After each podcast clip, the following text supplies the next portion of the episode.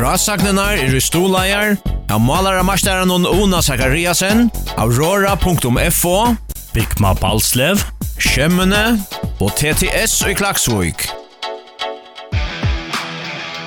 Håndbaltrun av FM1 er sender i samstarve vi, Faro Agency og Vestpak.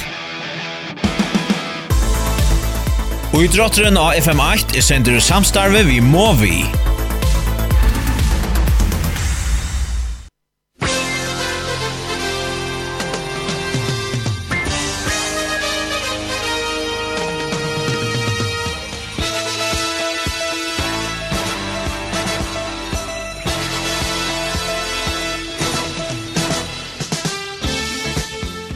Velkommen til Beinleis uh, Faxi Conti uh, halvfinal og radio her og FM1. Uh, det snur seg nå om uh, stjøttena mot uh, Kindler, tja kvinnon. Uh, Kindler er 8, 23, 22 fra Fyrir og halvfinalene, det versker at ein 24-23 sier til Stjøttena sender Kjendlevogjere, medan ein 22-21 sier til Stjøttena sender Stjøttena Vojere.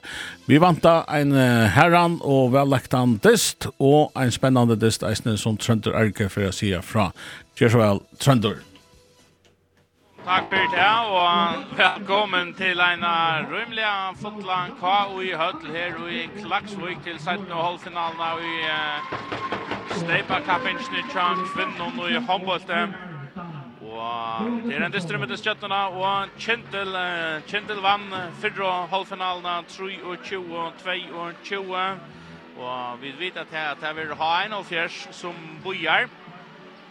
Herra en halvfinal er langt spalt ut her skulle ned til Ukraina at uh, spela om bolt, men uh, som at kan ska vita at uh, her er og jo nekvar omstøver uh, her nere som gjør at at det er ikke vært nekka i lødne.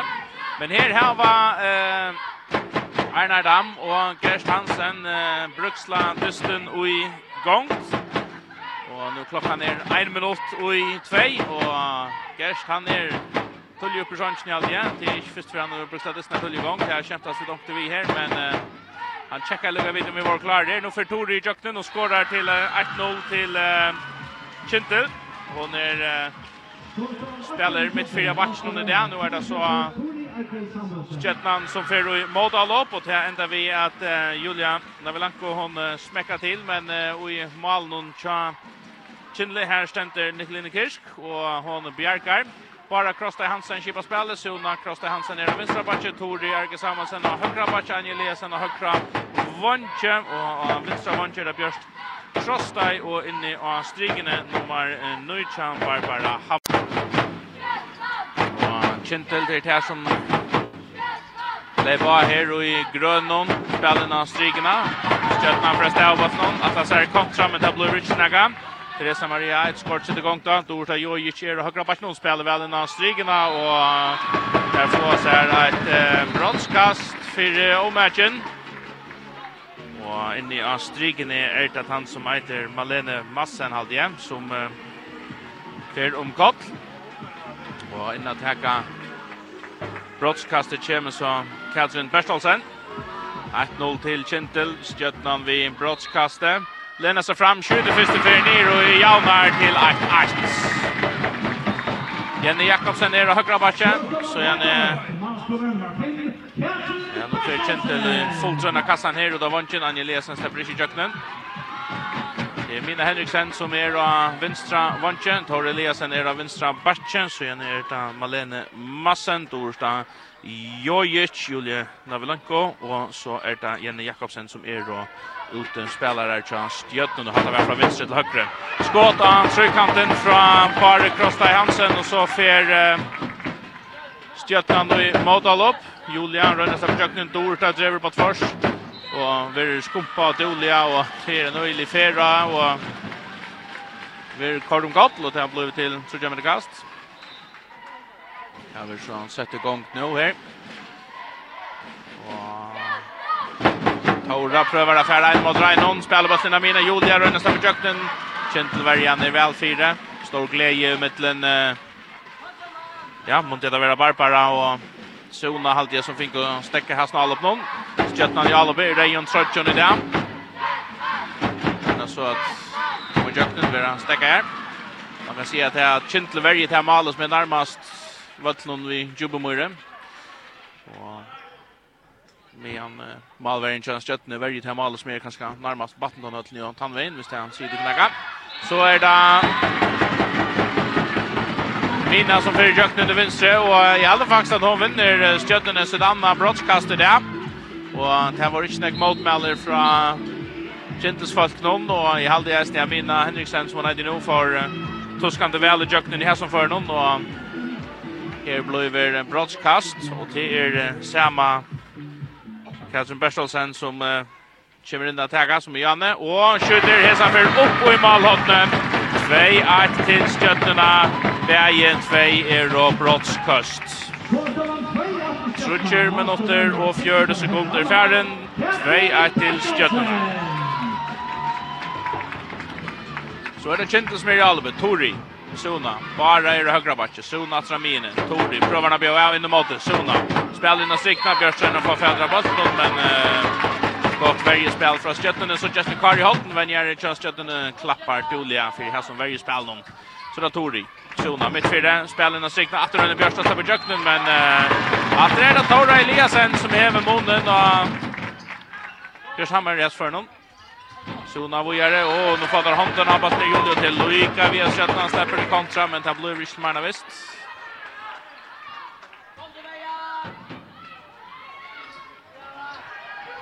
För Torien, Vojare, Sona med Sebastian. Anja Eliasson kommer upp för fädra honom. Trudja med det kast, det blir kast. Och nu är handen uppe, så nu ska Krenta Sona och dra skål för. Med Alves och nu Köttan kan färja all upp, men äh, taggar det rymliga rollet. Domaren er der, Arnar og Gerst, her er i Svarstund, Stjötnan er i Reium i Kvudon og Islette og Kintel er i Grönon. Så først Stjötnan er alle opp, då tar høyre backen, Julia, så tar vänstra backen til Minin, og prøver han å bjöa av, får inte fotskifte men det kommer ikke kjölen ikke mer på sjuren til. då tar skjuter, oi, så skjuter han bant og i verre kätna så kan Kintel et kjøtt alle opp, men der er det ju inte tälle, men skal ganska börsta på jacken men så dribblar de faktiskt ena for Fornex. Det känns att han har hatar att Tätnast Jenny Jakobsen har kommit i mitten och priggar bollen från henne. Så för Torre Eliasson dribblar nästa här spalt. Och då vann inte Mina Puralej skorar till Trujajt.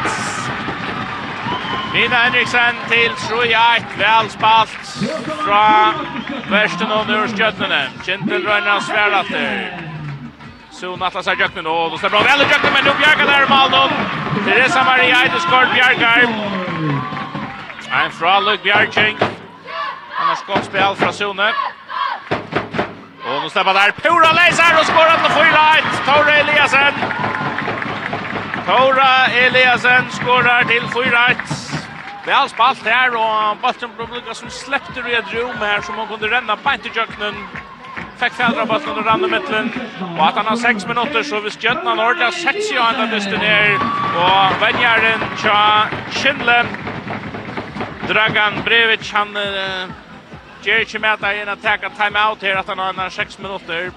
Han kan absolut inte vara nöjd med det som är fram här. Den första löderna. Stjötnan A8, 4-1 förra vi Simon sammanlagt. Och jeg halte det som er verst ganska att tro vi er at uh, jeg halte faktisk at Stjötnan har haft uh, rettelig store chanser medan uh, Kintel för utan mål så är det bara så en färna sona kommer jöknen ta så eh Teresa Maria Eidsgård Bjarga men det är inte så att eh Kintel kan sitta där och följa till där av vänster och öppna runt från förrun ett ett eller annat här och sen bara vi det 17 bara vi bättre. Så en god början för Västnar och det är resten sett Löjvoj här och i Her som vi sitter, jeg sitter og sunner av uh, Atlar spikar noen. Och till syne som vi sitter här spelar ni den ut så sitter till vänster för jag kommer sitta näck folk som alltid vid nu, och är då i rejon trötchen och klappa ropa och annat och jag ser att här alltså jag vill inte höra den fot men nästan Kintel är i Alobe bara zona. Nu ska de röna kommer Jökne mitt fyra och Efter det tar Elias här med gå om varje spel. Det är också i uppspelen och så Kindle som ikke har det rikker, er som der vil gjennom fatt han skjøtta Vonchen, og så han skjøter Bjørstånd, skårer mittlen beinene av Malverjan og Vonchen og helt faktisk at det var kross der. Bjørst kross der. Men uh, hon skårer igjen. Nu blev det 4-2.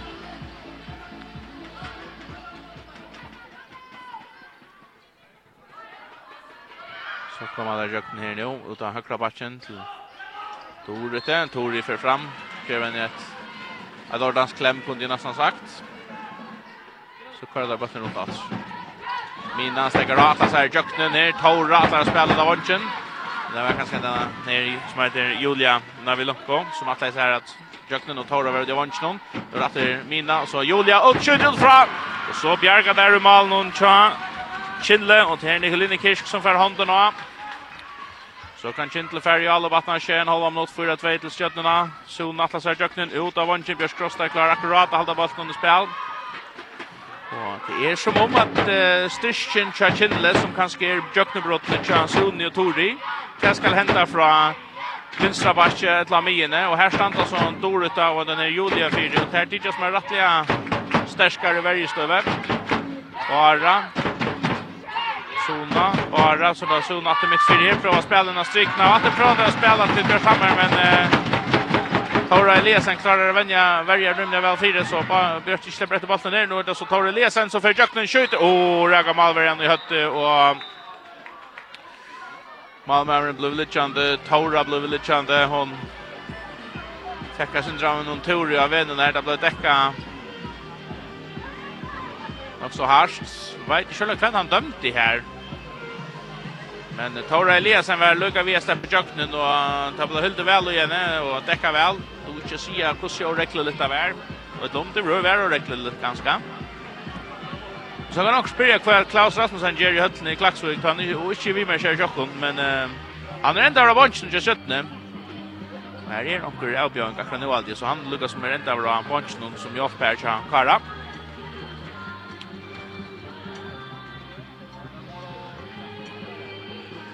Ja. Nicoline Kirsch kom så här ut som hon ska lycka komma fyra sig. Hon fick alltså bollen på i anlitet till han. Allt i värf i ödla så ger det. Kvar var det lite så och jag kan kunde avskar blåsning allt i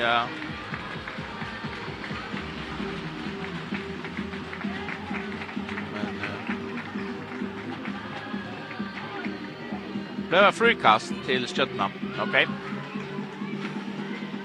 Ja,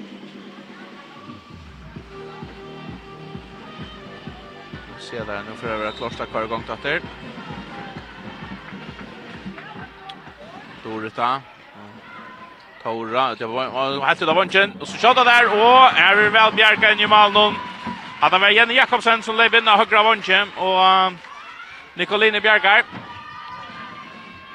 Tori vujare, Suna mittfyrre, Røyne Leban, Parra, Uda Vonsen, Anja hoppar inn, Spukst, skydra Stansna, og Stjøtna fer fædra botten atter. Stjøtna fer fædra botten atter, Julia for Djublande framme høyre bak til mittfyrre, Dorta prøver å spille noen strikna på sine leiser, Dorta først etter Tornon, så leiper Tori fram, teker om Dorta som ikke får spalt ut til en pura fria Tori Eliasen i vinstre. Mina er av vinstra bakken ut, Dorta høyre bakken, Julia skiva spillet. Og gjør man Tetcher med fingrarna om att köra några av gruppspel.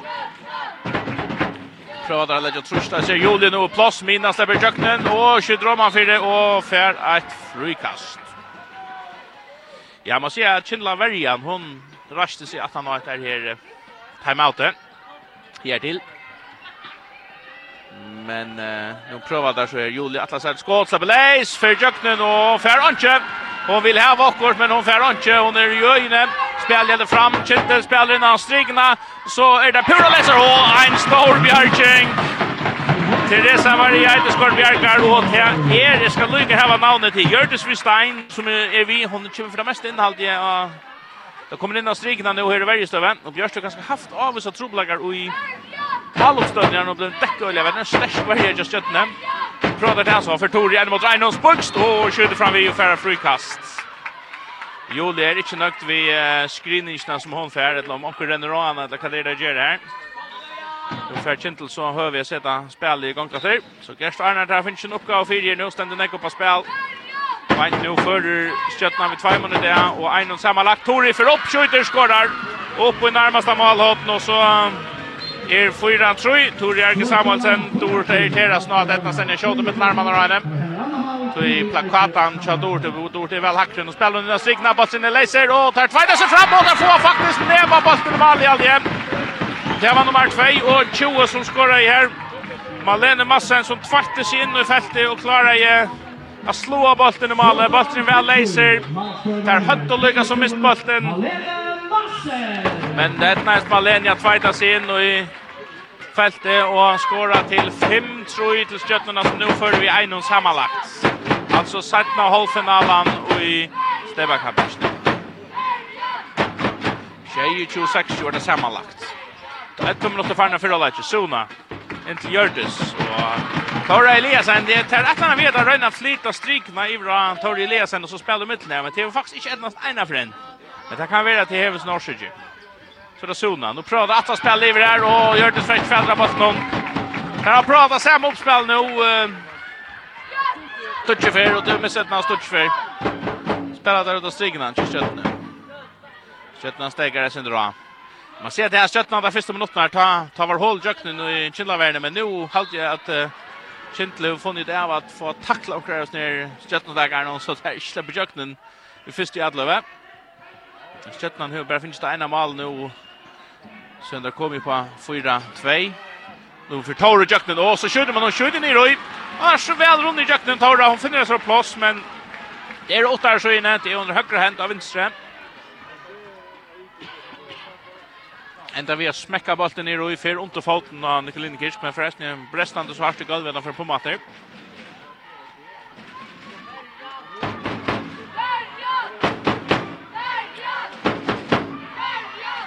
Det var Kintel ena för träd. Nu kvitt fem och stryker spelaren. Sonen färdig ut denna lötte. Så Reiner uh, Tordia för Jöknen och Dor tar väl häva att här är en hånd i Holsnöjne. Tori ser skyltan så där och över runt så skjuter Tori ut från skorar. Här var en i hål i plakaten så Tampa som står fyra Tori fänkar där späckar till 5-4. Så för Mina in från Vansnon skorar. Mina in från Vansnon till vänster. Skorar och ett hennar andra mål här då. Och så för Kintel och Jöknen hinvägen och så blir bara Alicante. Så vet ikke om det var i hukt. Någon som faktisk skjutit oppe, Men det kunne gitt meg til at det var bara som fick han Amali her og får och en shot og och hon ändar in i felten fältet ble litt lite Men uh, hon er kommet så mye för seg at hon har kommit upp på benen etter, Ett lag kvätt. Dömte han kanske också Anna. nå skulle jeg finne dagar händer her. Det där kom se ut som om att Stjötnan har tidigt timeout.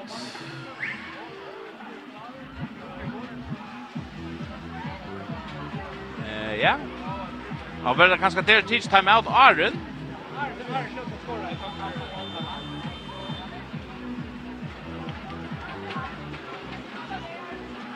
Att det sig det finns två mål att han var att Kendall okej, jag Jötnan skorar. Okej. Så så talde mål som in i inte. Som är du så gör. Så är mina ena mallet. Här gör vi 2, 3, 4, 5. Det passar. Och så delar det mallet jag bara hällde det inte. Okej, okay. Stjötnan för Jalob. Stjötnan läcker timeout-kort. Pant Armina skorar. Kintel skuntar sig, kastar bollen upp av Mina. För kontra, skorar. Men det mål delar äldre inte. Så 5-4. Talvan Holm mot Farner. Ja, nekva halda kila.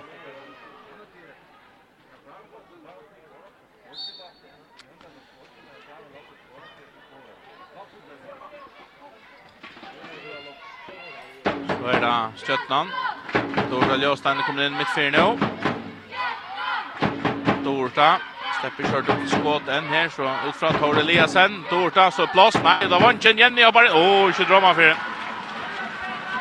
Jenny Jakobsen skjuter väl om han för. Vi vill se att här var här var plats till Jag skjuter bollen i målet.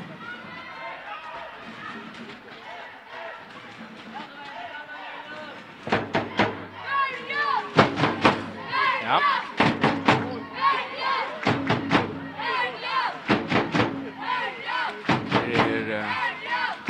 Kintel i Alve, Sona midtfire, Tori, Barja vinstrabatje, Tori midtfire, Atta jöknen. Tori Tretsen, så for Sona, pressa sig Jøknen og fær brottskast. Og til fær om fire er Tora hevet ikke innan fire halde igjen, men det er øyla greier, og jeg peikar nir og uh, strigene, så jeg gitt det der bara krossa Hansen vidare så. Lena sig fram av. Skjuter, skorar till sina vinstra. Bara krossa Hansen så fick han mål. Och det fortalte det.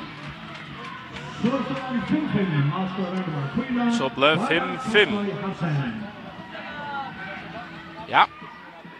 Stjøtnan er ferdig i alle batter. Sett av alle finalen til kvinnerne. Og nå plasser Tora for Jøknen over dekka, og så er brottskast tidveien. Ja, här var Rommars nokka plats i mitten, men Uh, kommer han också länge i Alvering här på tvårs från höger till vänster. Och en liten löd så helt det kanske kände spelarna var förra att lucka hållen, men Tora har sett det lyckas mata sista fet och slapp mitten. Så det kan det bästa sen skjuter och Malmö Bjarkar och Bastin läser och Kintel för att stäva in hon. Katrin Berstolsen som har skorat 2-2 mot Arnetta. Bränner så ett trea brottskast. Nikolinen fer til högre för foten av bollen. 5-5 nu för Kintelatter sammanlagt. Vi är nu. Tori Erge samman bollen av vänstra backen. Suna mitt fyra. Bara, och då var inte till Anje. Anje atlas har dökt men släpper inte. Tori. Sunna. Bara. Utan drar vinstra backen. Tori skjuter ut och fram av Värn Bjerkar. Bastien är laser. Flyer rätt som stöttan för att stäva någon. Mina hänger upp. Kan spela längt. Spela stått. Tori tar stäggar av. Kintus kvinnor kommer hem. Stöttan stäckar.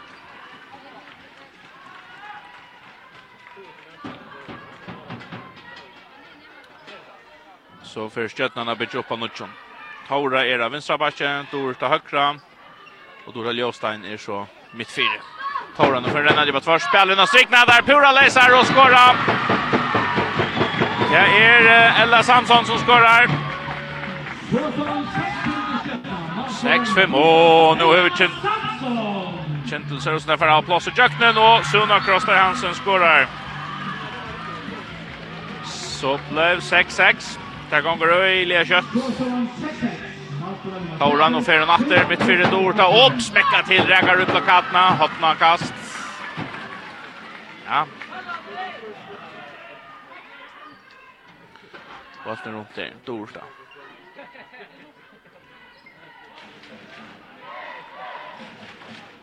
Ja, nu är det Lars kvar höjrest. Nu dorta. Så var upp. skjuter där utifrån. Ferran kott, efter fylljande av tacklingen och färdigt.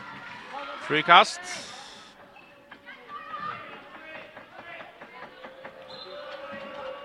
Och det där var hånden upp. Kinna vänder aldrig. Färden Jöknen Tora och skorar. Och så ryker. Så ryker Barbara Hammer ut i två minuter. Och det ger hon till hon hälter då i Tori Eliasen at någon kommer i Jöknen. Flott arbeid av Tore. En er annan mål og, men jeg virker som om hun er nekk mer aktiv enn bare av finnes två mål. Det går opp, 4-5 6, 6, og her er 6, 6, ja. Så det stemmer. Ja, første utvisningen i dag. Første utvisningen i dag, så Kjindel er i undertallet. Her kører Malmannen ut og leipa av i forklarmanning.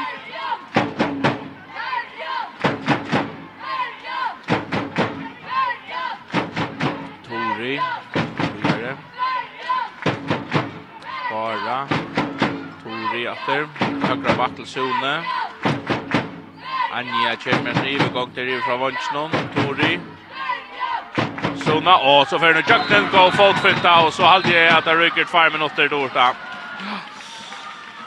Ja, hon röjner och hon helt heldur ikke samt, men jeg jeg her er kjemra litt hand og nere sinter i høtta men så sunna for ikke ilt eller men men det er så godt at hånden nere her er då säkert bäja så at Gentle vil ha en ut och det är smälla så att Dorta säger att hatta var alltså hade varit snack Ludvigsing men då har man sig Ludvigsing och så att när det första Ludvigsing så fick det nästa nästa Ludvigsing det er Ludvigsing her til. så nu är jag på Berlin og i en sidan utanför det och Gentle lägger fram og at her var malmann utanför det Bara för uppskjutning Tori och då vann Kjetlani. Åh, Tori kastar bollen och det är. Tori kastar bollen och där hon hötter in för högra backen där spelar kött runt och så kommer Tori in för högra backen hötter och så slätter hon lugga som bollen ut till högra. Men han fer det av och han blev till uh, inkastelskjötterna och så över Kari Hotten uh, rött den omkrar uh, uh, instruktioner i Navatlen. Det är alla höst att han skulle finna det här skulle spela. Här väljer halda Malman och Mal så där lägger bara ju i undertalet. Och så kastar där bollen bak till fötterna och Björk Krostaj och så Röjne Kintel att uh, släppa kontra. Det är uh, Björk Krostaj som fänkar en Alvring och bara tvärs här. Hon sätter av och färra steg.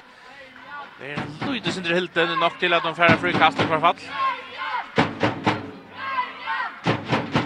Och att han håller mot Farner, 26 till skötterna. Och så spelar där och så blir det Görtes vid Stein. Pura Leis mittfyrde.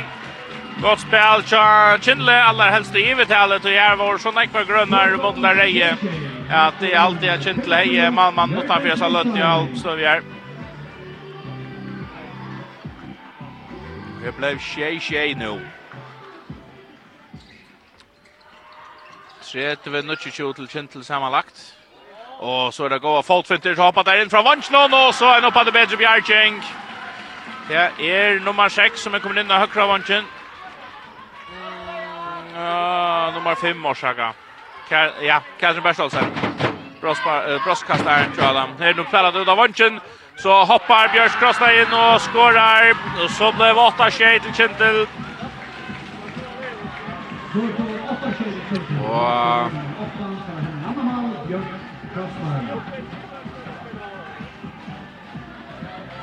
Ja. Skilte låta. Han går Bjergjeng her. Det er Katrin Bersalsen som hoppar inn fra Gravanche. Går Bjergjeng fra Malmaren. Og så er det Julie. Naviliko som uh, enda vi att släppa till ett skott och han skårar 8-8. Kjentel i Rallo Zona. Spel sig Leisan, Röjna spelarna strikna och så han så gör man det kast. Öjligt där Röjna spelar strikna så ständer det inte till högre. Hesa för när det gör det Bestein som stendur til högra. Stendur i mittlen, högra back och mina. Det er Suna. Tori. Bara mittfyr nu, ut til Sune. At han säger Jöknen her plass plats, skjuter av stansjene og fær brottskast. Ja, men uh, her er jo øyla spennende spillere av Vøtland. Det er för til her Suna, en av dem och Notori ganska där som orkar kunne bråte Jöknen og kjøst Jötten. Ja, vi ser Tori og selja Mine. Uh, Henriksen gjør stemne akkurat for nær. Og til han gjør brottskast. Dette er så andre brottskast til Altid Kjellkinle. Bare Kristiansen skårer i kvarfatt etter Janne. Det kommer så etter rett. Lennar seg fremme og skjuter. Og til høyre. Og Peter og skårer.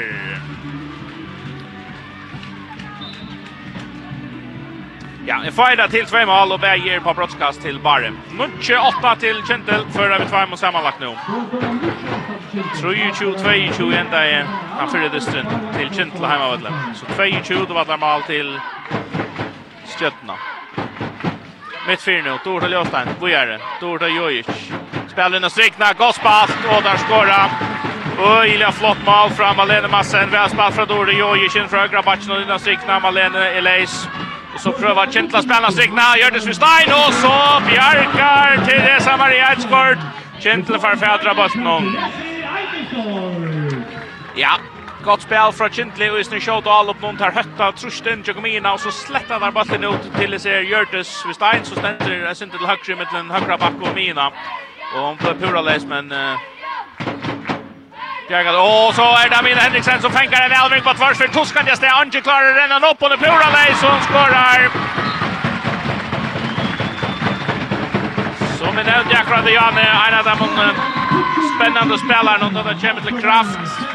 Hon är av vinstra backen, trackar fram, helt en dag väcker av Vonsson, trackar fram, för finkrarna i mitten.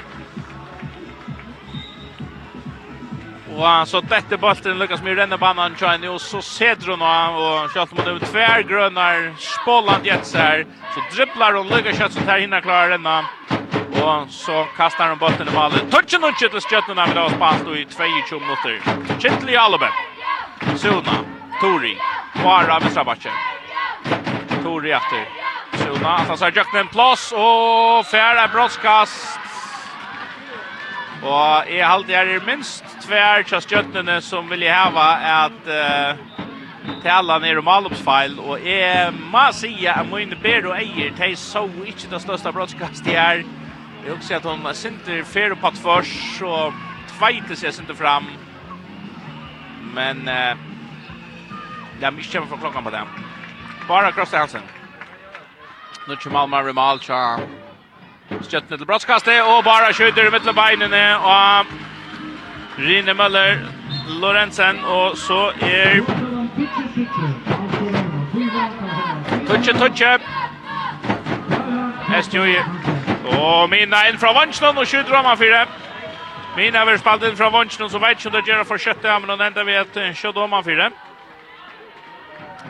Så du tar 3-3-2-2 sammanlagt.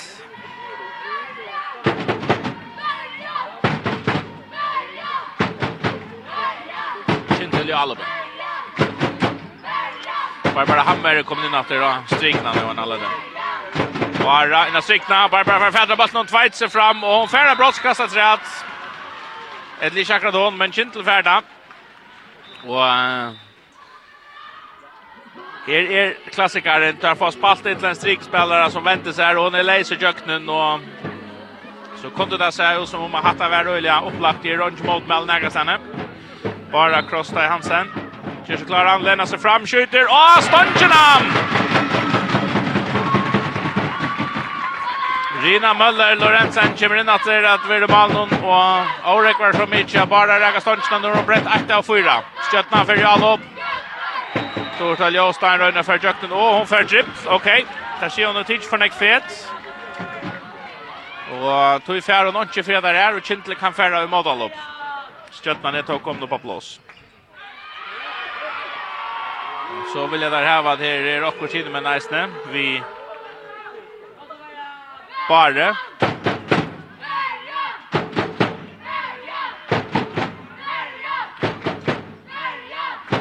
Sona är den högra back.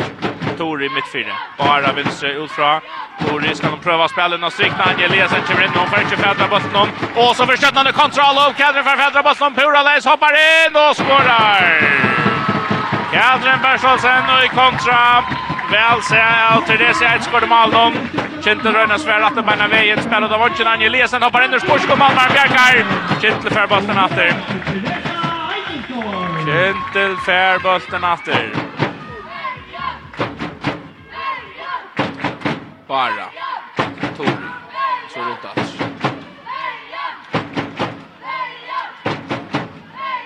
Bara. Bara. Innan fram nu då Sunas med mittfyrre. Torje till vänster. Bara prövar att höta sin där. Sona undrar man med bjärkar från fädrare och Einar för träd. Och efter det där Björk Krosta som för fädrare Tornon. Sona tar sig Jöknen spelen och strikna. Björk på som du läser bara. Så kan hoppa från vänster. Nej, mina klarar att komma mitten Norge va. Ja, Alverge fra Bari hever snakka og kraft da. Og tog nær Anja faktisk ikke på fædra botten. Og det vinstra var ikke kjøtt mot å gå på oss.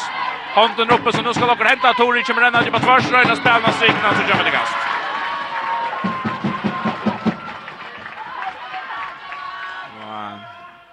Kan vi titta här. Suna röjna släpper jakten nu då vanchen Björs för fjärde bollen och hoppar in och skorar. Det ser inte så oallmäntliga samförande ut och utan skjuter det är inte kraft då men det är väl målet. Det är 1-1. Men det är tre mål. Gordali Ljøstein atlas er jøkkenen, gjør det Sustein sier nei. Skjøtnan i Alve, etter vi etter vi, Kintel før vi er inne sammenlagt.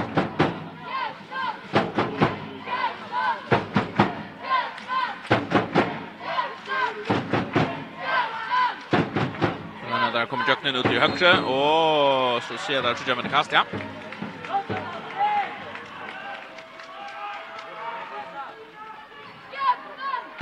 Etter Julia, Dor til Jostein. Julia etter. Så da vann kjent Mina. Ah, nei, er akkurat for løyd i holdt av Jøknen som kører rundt etter. Dor til Atlas har skått, Atlas har skått, fint i hoppar inn. Så blir det Bruksla, og så smekker han bollen i malen, lengt at han har. Nu fer Julia a vita ett kvarst, och jag vet inte om det tog de grämmer sig eller om det är också som hon ger i spelen, som tar ikke vilja suttja. Eh ord til Jostein skal lese lykke henne förklaring jag vet ikke akkurat det er kom grunnen på allt ja. Julia tar til seg kjøkkenen. Dorda til Dorda Jojic, Bøtten ble leiser. Jostein får fällra bollen och Bøtten og free cast till Stjärnorna.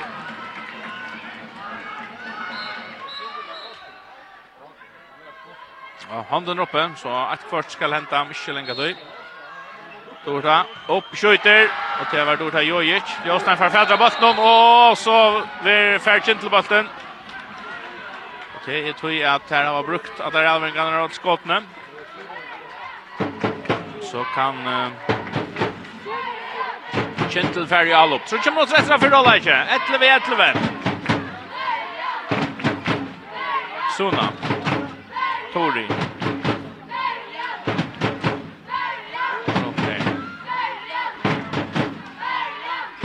Jätte till Bar. Sona har grabbat ut till Anje. Och nu är plås. Hoppar in. Skårar. Anja Eliasen. Vi syns första mål i det. Här väl plås. Och jag vant någon att spela till henne. Själv ett litet kjentel. Skötman för Jalup. Dorta Jojic. Julian. Stäcka där sin dra. Här var de ständer uppe och bröllar samman vid Dragan. Det är också sin jaminen där skulle jag vara lost här alltid.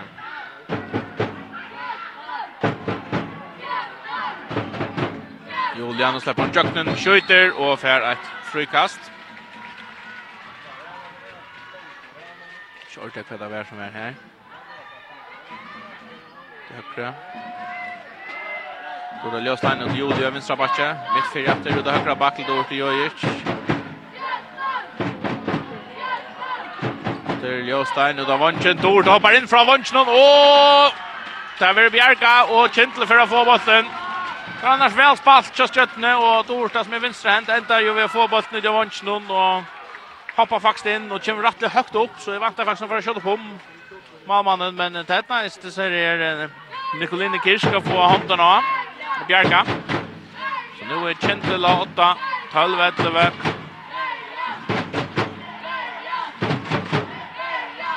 Og er av Bastnum. Tori av Vinstrabatch. Kvadrantlater, Tori, utfra, bara, Sona, högra backe, prövar bra, då jökte nu då vanchen, Anje Lesan hoppar in, och så prövar han att spela bollen i fyra, kommer Anje rännan in, och så bänt i fölningen, och han kvinnan, så så kunde färja alla på invägen. Ja, var öliga spukskjan, ja, hon gav Lukas, oj, så allt jag faktiskt att orda, Ljóstein Elver ut, men vaktet också ständer här ute. Här stand några folk i sin rättligen klävon, och Jeg vet ikke om hun mistok sitt, ja, Don elvera er så bant ut til en av dem som står her. Ja.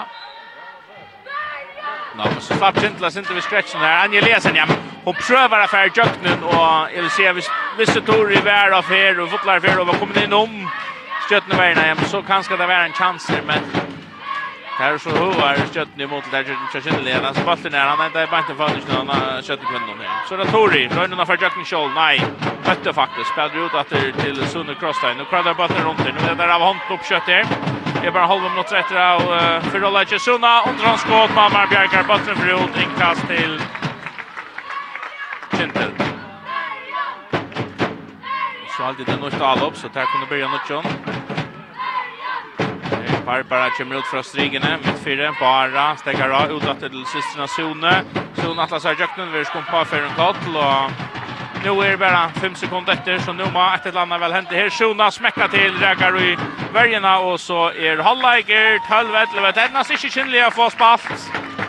En eneste møvelegger, og Lukas Messier, siste halva minutter her, der spalte bare botten rundt, og Jeg hadde da det så kom til aller sørst, så alle der kan få fæter og eh en skott eller en chans men det blev så inte till näga. Det kan gott vara att Kintler 8 vid 5 mån sammanlagt vi teater vunn och är det 3-22 ut i fyrra distnon och at det är 12-11 vi akkurat nå så är det inte ni vi om det att det här är allt att spela för nu ta eh, setne halvleker för och i gångt. Så får vi atter til Klaksvegar, til uh, vannande eisne, en spennende setna halvleik mittelen Stjøtnena og Kintel, Joshua Trøndur. Jo takk, og, i samme løte så hever Dorita i Jojic skåra for uh, Stjøtnena, er første mål, og javnar til 12-12. Setna halvleik er akkurat bruksleir gong, hadde vel det første smente. Nå er det så Kintel som er i albumen, men nå gjør Kintel... Uh, Alopsfeil. Uh, Teresa Eidsgård sender mal, Chans Jøtnenes med Reion i det. Og nummer 3 kom inn at uh, stora spel nå, Sonja Syrt eller Berge. Og det er midt fire nå, Ragnar kommer Jøknen spil, så vi er ute i høyre.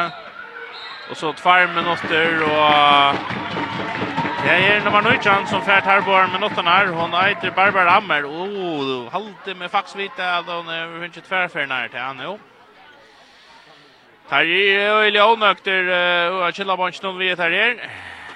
Men uh, her var en hånd. Det er ikke denne Garibi. Hun spør ikke bare om hva var for om hånden var oppe, om hånden var nere, eller hvordan det var lettest alt hjem.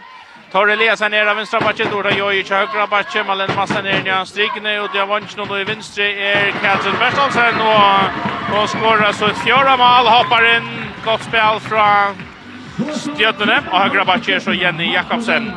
Tja Kindle, her stender uh, Nikoline Kirske, Mal, hun får så ut nå til der i Jontetallet. Sen er det Suna Krostai Hansen og Tori Erges Hamansen av bakken, bara midtfire. Bjørst Krostai er av vinstra vantje, og ute av høyre vantje er det Anja Eliasen, og Gjørdes Hustein er inne av strikene.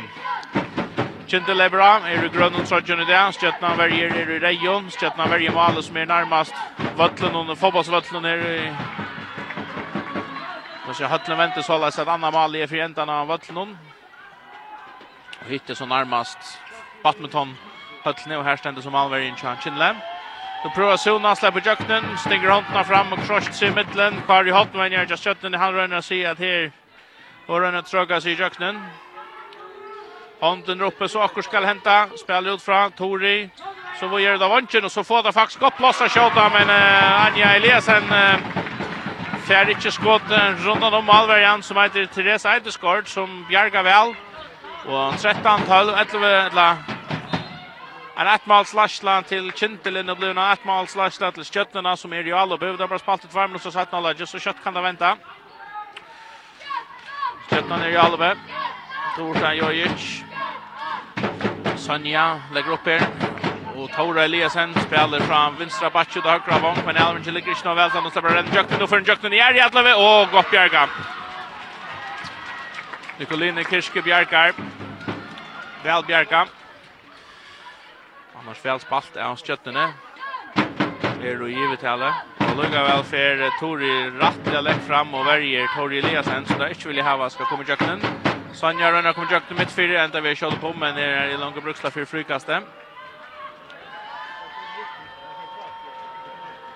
Malene teker frikastet her, stått ut til Tori Eliasen. Drevet til høyre her, Tori i rettsende beina veien, Dora Jojic ut av vansjene, Jenny hoppar inn, han er for tredje, skårar, skårar! Jenny Jakobsen inn fra vansjene.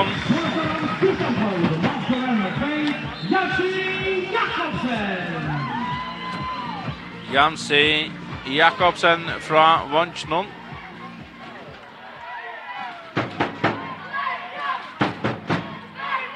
Kjentlig Albe. Sona ut av Vansjnån. Bjørst hoppar inn, og det er Bjerka, og her stender onker inn i, i felten og det er brottskast. Ja, alltid Ella Samson som fær. Det klappar herrarna från Karl Holtny, de visste väl att de stod innanför det. Bara Krosta Hansen och skorar 3-4 här till. Aminko Monen i första antal till Stötna. Lena sig fram, skorar. Ny röj till sina högkropp. Bara Krosta Hansen.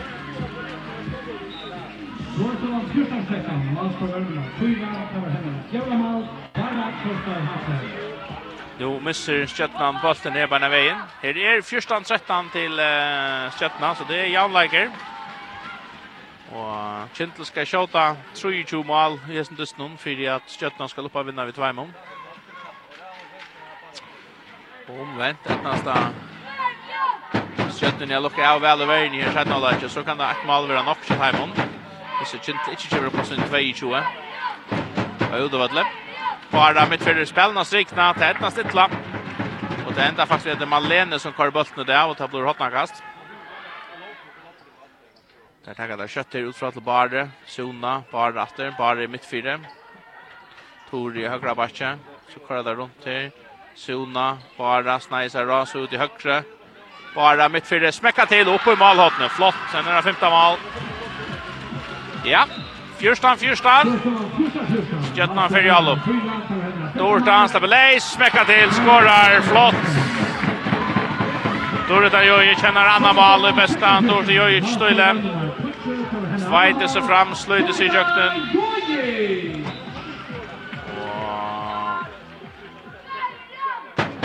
Er det Berge som halvdelt er över 15-15 eller... Er det ganske ikke, 15-14 det ska få. Er det... Bara, det var inte en Tori. Bara mitt för nu. Brönnen har finnat kunna spela till. Det blir en vinst. Hans Elving inte säljer några kraft ut till zonen. Så prövar det ena för att att spelen har strikt. Nej, nej, nej, Och Så ett nästa. Och det är Barbara Hammer som skårar. Väl spalt. Och jag får att det vinner första mål där. Så rymliga stor glädje.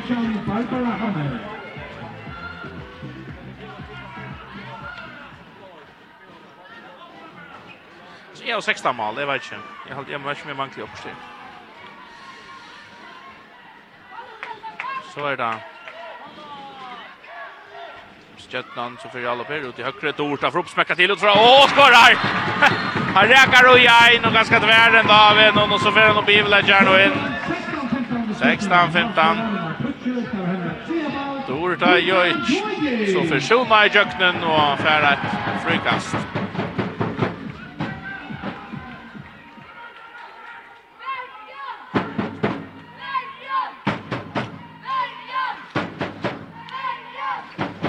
till Alabe. Görst ut till högre. Tori. Bara. Sona utöver vinstra backen. Bara med fyra. Tori efter sig Jöknen täver inte. Så då Sona ska hon. Nej. Bara innan strikna. Och spelar där väl och väl Bjerga. Och nu fänkar där åter Tori. Och så Bjerga där ena fyra trean. Teresa Maria Eideskård och i stor form i Malmö. Och just det är det mest bruk för då i Fyrst får där spalt av striken av så där Pura frujar Så er det Bjørs Max, det vil rettelig gå til å fiske neste ball der oppe her, og det vil hettnes flere fyrir kjentlig over Jalop, og finner tve skål på skjort, og med reisen til hånd fyrir kjøkkenen, så vil det Bjerga.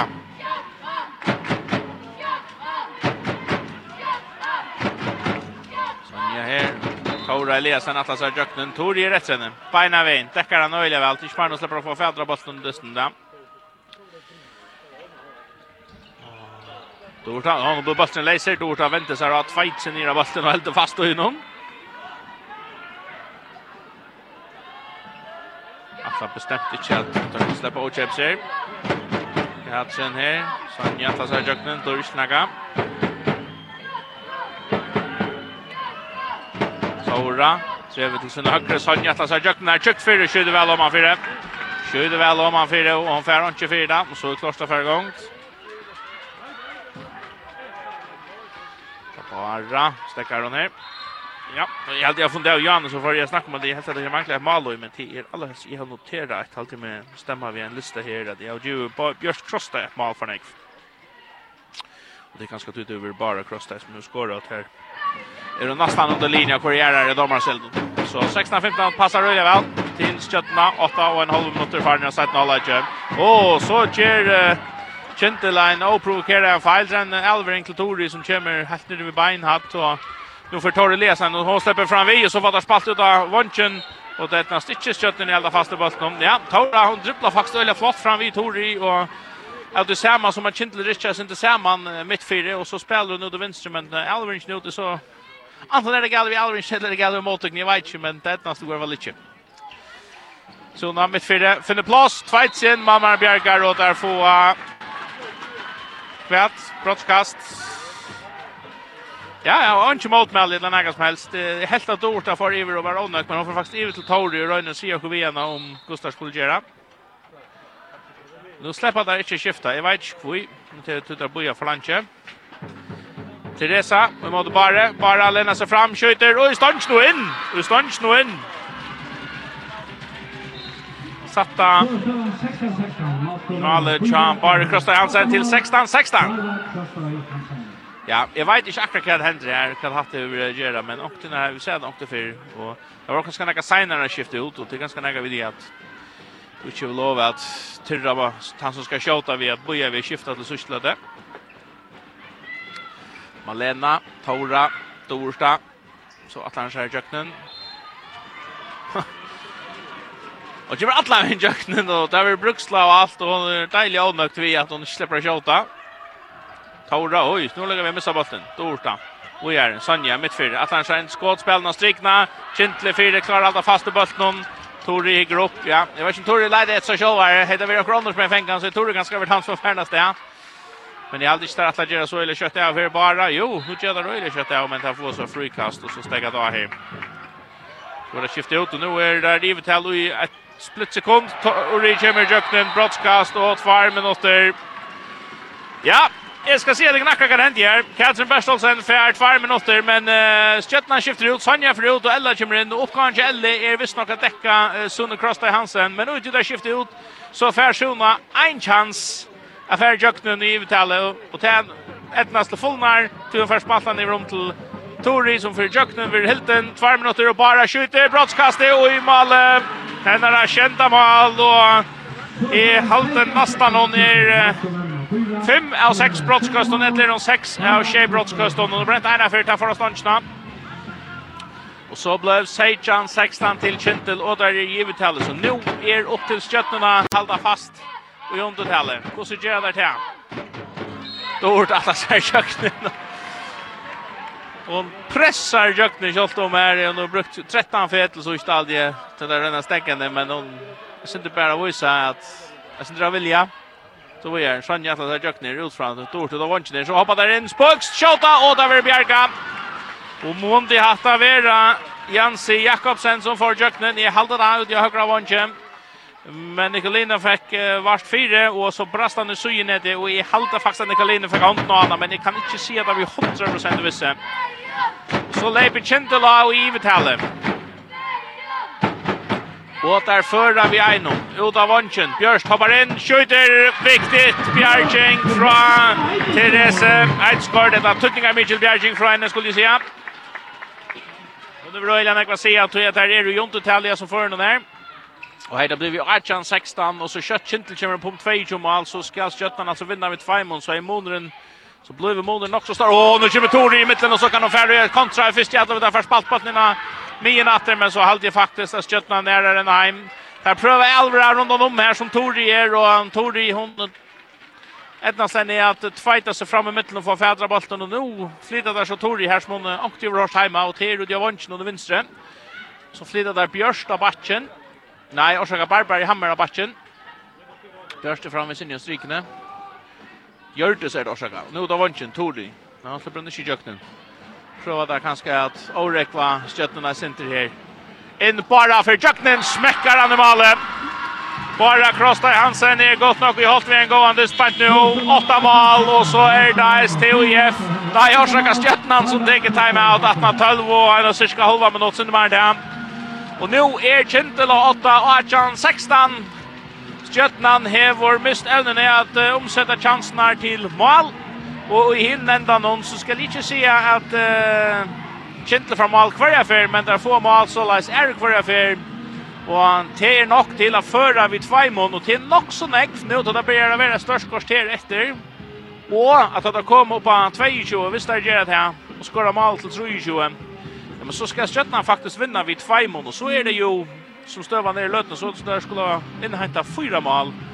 Och hvis Stjärnorna inte finner några matar så skjuta mål på nu så blir det höllen ekv.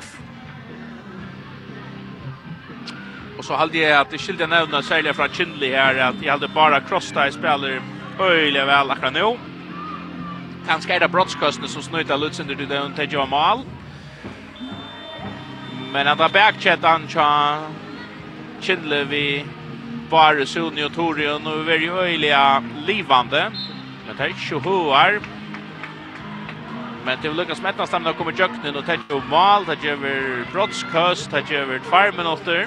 Så nu er det så opp til upp sköttna bröderna och här flyttar Dorothy och Davanchen. Sanja för jöknen, ut Dorothy hon hoppar in och så smäckar hon bulten upp i malhållande. Fjöra mal, Joanne Vishishvar Skyver. Minkar och månen till Aichan Seichan. Tori hon så för nattra backen och så kommer Sona i köknen och fair brottskast ena färd att säga att Ja, jeg må være 8. eller 9. brottskastet hvis ikke først skriver. Jeg halde bare 102 som ikke er en brottskast, så var det 6 brottskast og 6 mål, offshore. Eh, og bara just klarar han lämnar sig fram över och skjuter upp i mål med ena för att se att henne rann 19 mål. Baran Krostai Hansen. Er fightar til Shea, Shea, åtta brottskust. Shea damner og skåd i mal. Nujjan Seichan til Kjentil. Der vunner fyrra dysten 3-2. Så det er oppe skjøttene, halda fyrra nu. Og nu spelar den vel, og strikna med det. Etnas faktisk Barbar i hammeren får fotna. av. Och det är nog inte helt lov för fingrarna och så fotna och så blev det till att köttna för bollen efter så prövar den där Julia för Jackman och så för hon och Tori sentande och Kotl och jag hade faktiskt att Tori knallar uh, Hatti i golvet lite där men hon kommer så upp på den vägen och Ja ja, men det här är spår. Det är headrunch problem så jag där. Så prövar de att få Tori i Tori i fire første, och så fyrer där Pura samma där Jøknen, och Så er det mer der, Sonja. Syrdal av Bergen som renner i Jøknen og skårer. Så får Sjon og Jøknen der fra tredje, og så skårer hun inn enda vann. Sona Krosta Hansen, hon bara finns två mål, men hon vinner henne 5-6 brottskast aldrig. 20 achan till Kintel. Så rönn sättarna svär efter. Ja, jag vill säga så här, nu har vi stöttarna så funnit det var själva mål. Men nu skulle det så till att finna det var locka av hinnan den nästan. Nice 3 4 4 till Kintel i lötena. För alltså vid Simon. Och skorar Kintel 3 att säga att det Gerard där allra helst på 15 minuter. Så skall Köttna faktiskt inhämta fyra mål. Så tar vi börja nu spekla få ett eller två här. Ut till Dorty och Norne Johansson hoppar in där med trädet och smäckar till och så kör Malmar nu ut och bjargar. Mamma svänjer där ute av Klemsen. han rejses upp och till näga vet Dragan visste jag nu att Kusen skulle göra det Dorty inte Dorty så illa hö. Så hon ska vara hackre och sina tekniker. Och så släpper Julia Jökten och skorar. Ja. Tvær minuter till Sune Krosby Hansen. Alltid, ja. Hon färd tvær minuter. Hon letes till å si, ja men jeg gjør ikke mer hetta, men uh, om Jevras har skumt till Julia och så släpper den ner Julia. Naliko och Jökten. Så er er Tjomurjan. Nu er spennende att.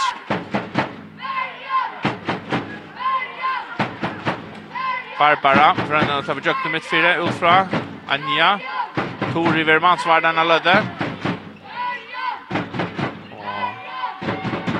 Där finns det avkattar skuldger här och så släpper där jökten och så skårar Anja Eliasen i undertalen.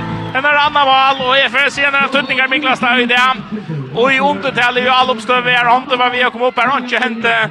Och knappt blev så släpper han ju jökten. Och man ser att det ständer en kamera med hans fyra. Det suttjar faktiskt inte akkurat kost ner och släpper vinner Så han tar fyra månaden. Men det har hårt ju avskvar någon kost så soffa och då han släpper jakten Nu först så sköttar han i all upp och så tjatar där. Oh! Utifrån. Och det är en fyra kotter till Torre Leasen. Och i har alltid vi har blivit sindri irriterande ut till att hon släpps på parst. Tori dekkar han öle aggressivt och föröle längt fram och tar han så för upp nu så hade han det kanske öle gör vad shot det här fram men och färra sen en tackling här ett fällande. Tora. Julia. Så väl jacken. Och så blir det pura läsar. Sonja Sirdella Berger renner i jacken och skorar.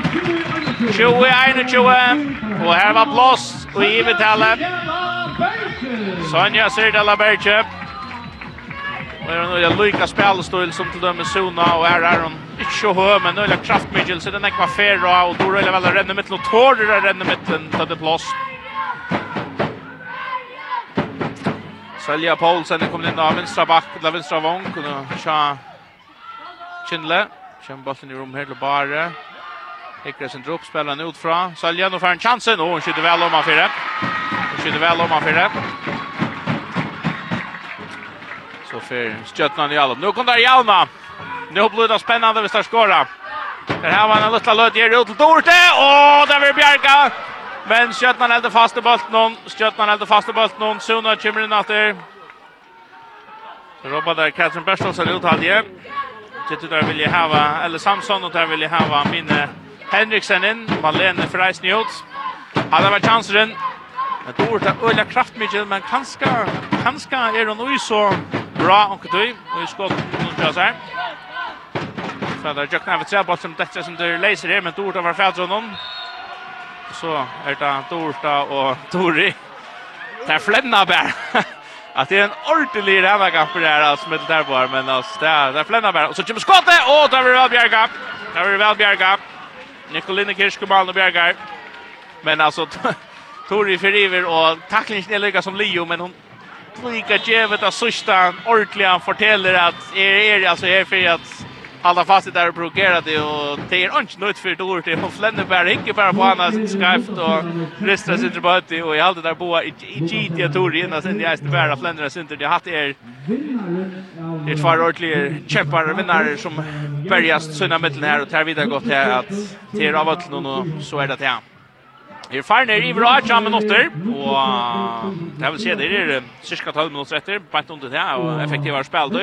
Og det er bare 21-20 til Kintel.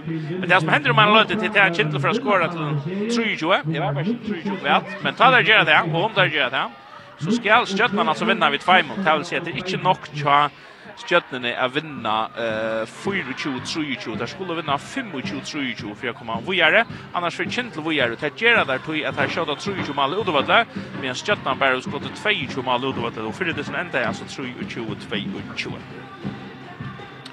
Malskjøttar, bara Krosta Hansen lengt frem, så jeg finner han opp på Nutsjo Mal som er.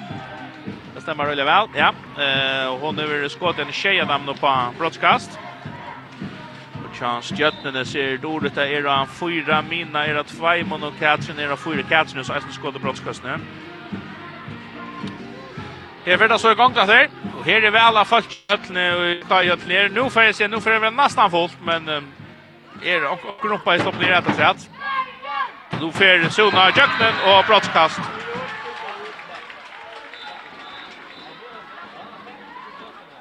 Att det som är av det är att sköttenspelaren är släckt irriterare när det blir dömt brottskast. Jag är inte säker kunde nog till vara 100% sidan brottskast, men att det blir dömt kvar för och sunna för jöknen och ta skälta sin annars som kostar till täckarna.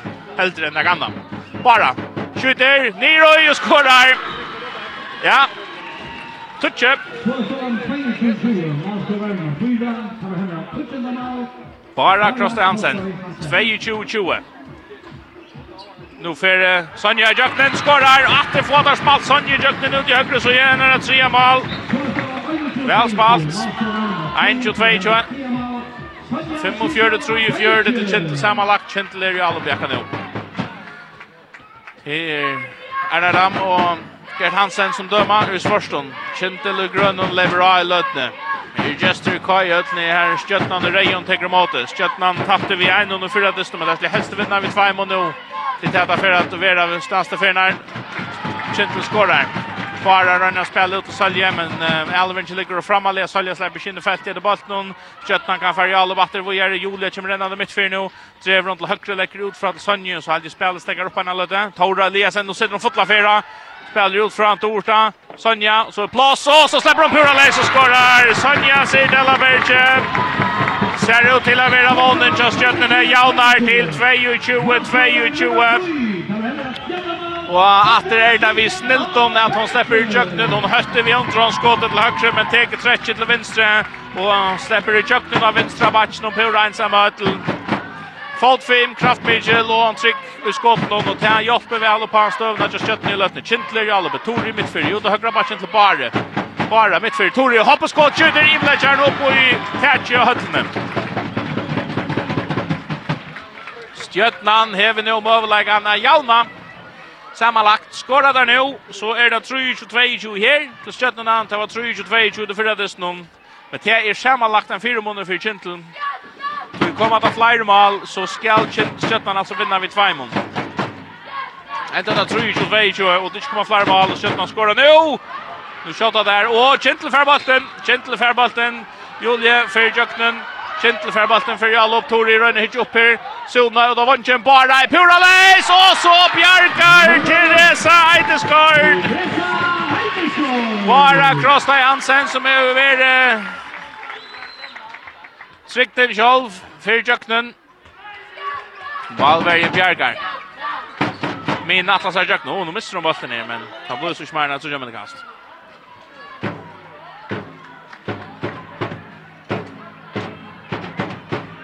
prövar efter att ut i högre. Och Dorta Purales och så bjärkar Nicolini ena fyra trätt. Hon är väl ordentliga Lise Dort. Jag sidan med sig Dort. Det är upp och knast och för den där. Malmö kommer inte väl ut ur Malmö. Men hon är väl Lise där. Öjliga väl. Nicolini Kirske.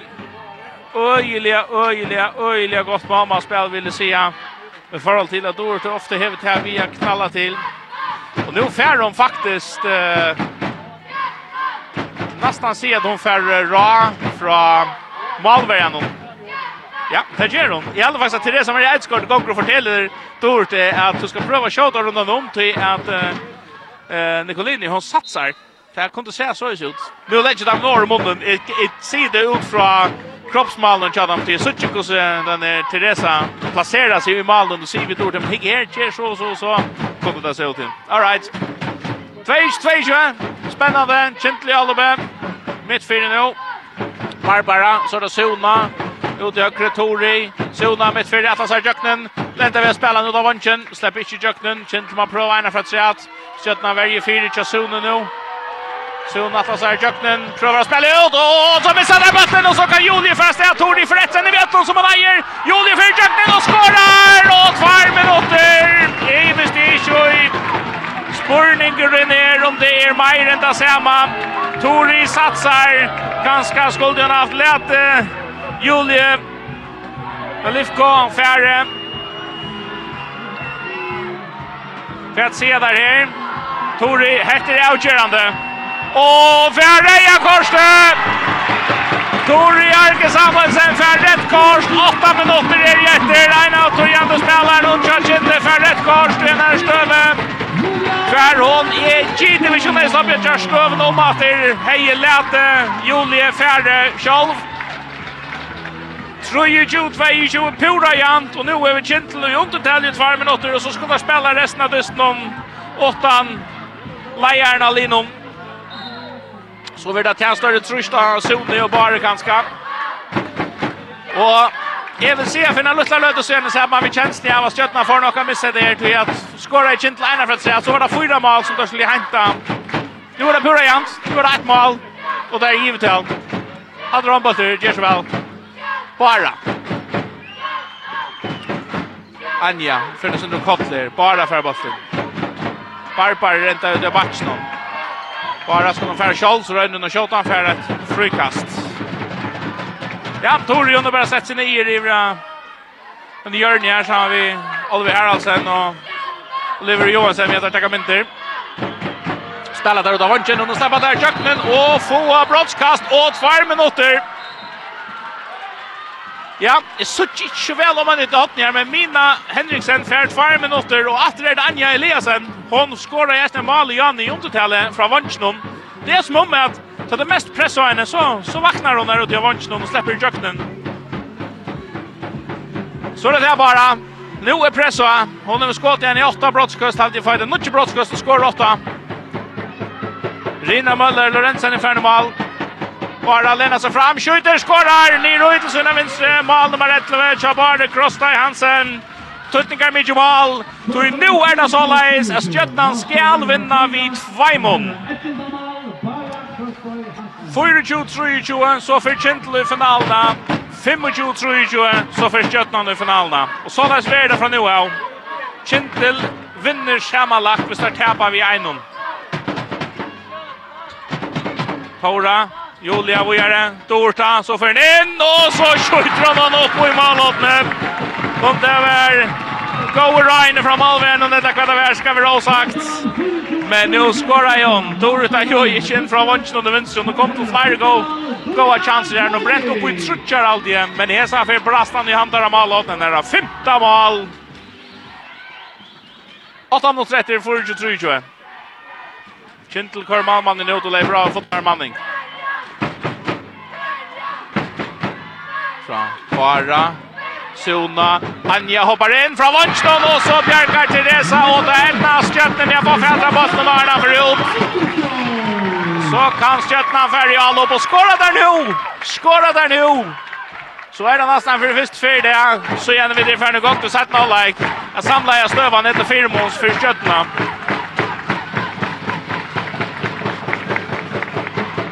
Dorita. Julia mittfyrir. Och så faller ut till Luika via Torra vid fänka. Det är nummer 9 chans som finns ju like utan Chatori. Barbara Hammer ut att täcka. Ella ut här ut att täcka Torre. Sonja Vojare, Torta, Vojare. Torra nu kommer in på tvärs. Leis skjuter om han för det och fair broadcast. Broadcast till Stjärnorna. Kintla menn och i öjne. Jag har bunch någon här, vem gör att ta med. Så är det Karlsson Bergstolsen. Jag har skorat några brottskast i det. Skorat fyra mål sammanlagt. Jag hade inte skott tre brottskast och skorat två i lokalt och shorts. Så Jens klarar han. Hötter första för lämnar sig fram skjuter är det för och så Bjarkar Nicoline Kirskmalnon. Och jag vill se det att det låter där i huxa Det är dystren knäckat till fyra måns fyra stjärnorna. Men ta här var det faktiskt bränt. Det är inte finns ju fäder i Två mål för Angeliasen ut i vanschen och så här som för någon brottskastet. Och i innan hon alltid så här till skjötna var så gott som man vi ut den här löten men eh Han var bara sinna till distan. 4-2-3-2 till skjötna mot Kindle. Till nokla Kindle som vi är. Torjons är bestämt inte nökt ut men hon ser helt ut som en madama som att sig gänga fram vid att hon skjötna i askvar någon utav vatten någon. Målskyttar, bara Krostar Hansen det kom upp en 11 mål tja Kindle og så er Dorta Joy den første kom på 50 stjärnor. Vi tar några hästar där uh, lösingar så vi vill her, ta här fer og i och.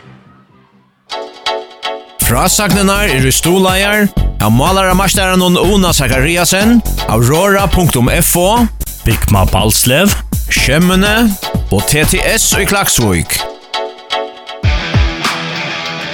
Håndbaltren av FM1 er sender ut samstarve vi, Faro Agency og Vestpak.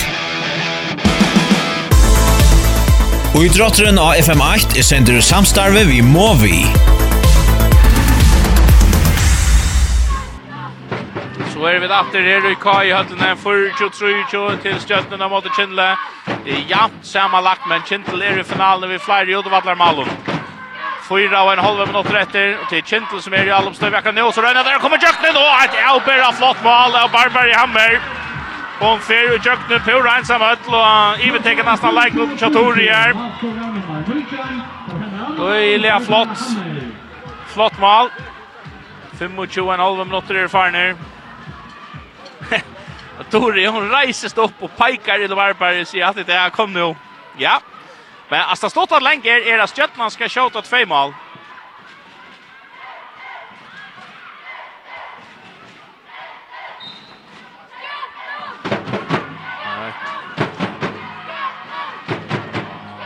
Ja, och så är det för Svitjent så har skåren höjras. Jag vet inte om vi gör dem årat till det sitter som skjøtten jag skåren nere. Det här var väl lovligare. Men nu är pressa från Bamsøyen. Mina in i mittfältet. Julia. Sonja tar sig Julia. Julia. Torda Jostein Atlas är jöknen. Åh, skorar men hon fär inte målet tror jag att hon uh, brukar ett fett för Negvaldje, men hon veras nu rent om kott.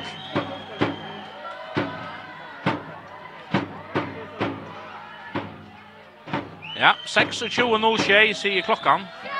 40-40. Stjöttan ska vinna vid Tvajmon. Julia Rönna släppt jöknen. Tripplar. Så gör med det kast. Dorita. Sanja, Julia, Honten för upp nu. Dora Ljåstein. Frikast. Minna att han ser förbi. Vi är väl täcka. Frikast. Ljåstein upp. Skjuter! Nikoline Bjergar i Malnum. Här var Ångan den ägar vant i affär. Ett nice, inte ordentliga. Skötten i att spalt en går en chans. Ja, man ser när den första lådan åt Tori tar det Barbara och helt nästan Anja över lätt spel chassar och också lådan inte Kindler allar mest bruk för då. Så får det så ja. Skora där nu så kommer det väl fyra. Bara utifrån upp på i trykanten den där tölta mål. Bara krossa i Hansen från vänstra backen till 25 24. Stjärnan ska vinna tre mål nu på 3 minuter. Dort till Jostein Atlas här Jöknen. Vi stäcker så Elva där och Anje Eliasen för handen av bollen men de klarar inte allt under spel så han för ut och då blir det inkast till Kötna. 8-4-6-4 till Kintel. Kötna ska vinna vid Feimon. Sonja så Snyder så runt släpper Jöknen. Oj, och skorrar. Åh, oh, myntliga flott. Sonja ser till alla Bergen. Den femte val. Fantastiska flott. Snäger sig runt. Släpper Jöknen. Kastar bollen i målen. Falt fem. Hever tämmer allt av stövn i Ötlund.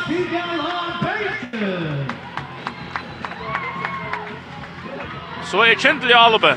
Men nu har det så kan man se att nu fänger det så det ena av Timo Malno som man glädjer in.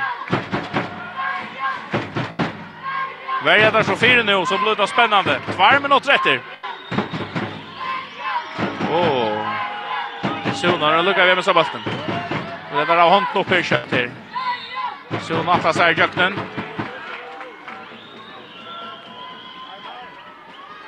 Uta hakra vatchen, Barbara, Hånden kommer upp. Sjön Atlas har Jacknun släpper inte. Dorit han upp brölar hon. Till de klarar stäckan i förn här för Lucas man få sin stämning gå i här. Dorita ut til Barbara så rönner Barbara för Jacknun och feil. File. Och Gerald feil. och ner for Jerv Hall. Det lockar han tveit i Jacknun. Så för tar Lesen rennande ut av Wanchen min Atlas här Jacknun skjuter och Nikoline Bjergar finns själva och så ser jag där frukast. Kintel, til, nei, Skjøtman teker timeout. 8 og fjørde. Nei, 4 og fjørde. 28 og 4 og fjørde. 28 og 4 og fjørde. Det gjør 1 mot 16 sekunder etter. Det er altså Kjøttmann skal skåre nå, så blir det 6 og 25 Og så har vi 1 minutt av kaos etter herfra. Så jeg blir det så 22 og 25. Så er og å gjøre. Jeg vet. Er det ikke akkurat så det skal være? Jeg hadde det.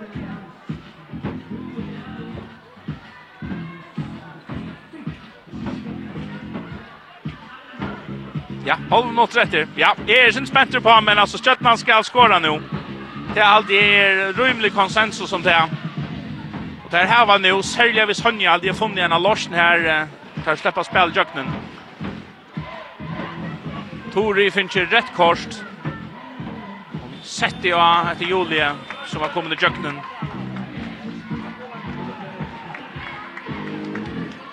Julia Nalviko som kommer i jöknen så ser jeg der at nå får det være klart. Det er Bruksla, og så får den senaste minutten og 20 sekunder i gang til. Tora, midtfyrre, Julia, så skal han opp her. Så får Sonja i djøpten og skårer! Sonja skårer! Det er satt av mål! Tjeje, 25-26. Så er det det, ja.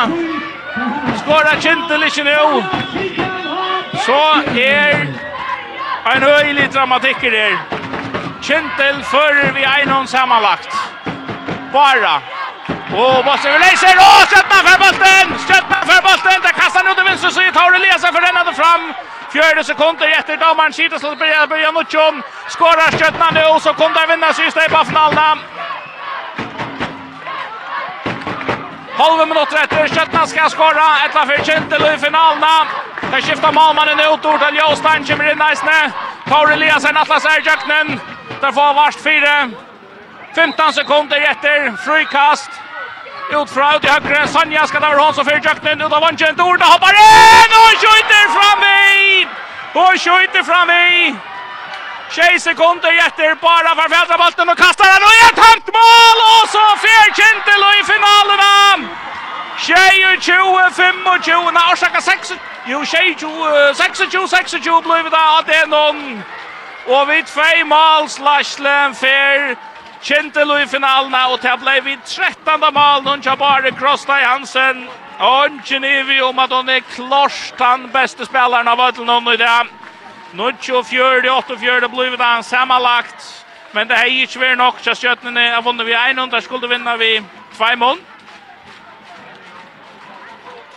Og her spaltes jo til sine chanser. I et av våre løter er man seg rett over kjenslen av at nå får kjent og simpelthen av stev i hessen, og heter vi som nevnt som det kunne være.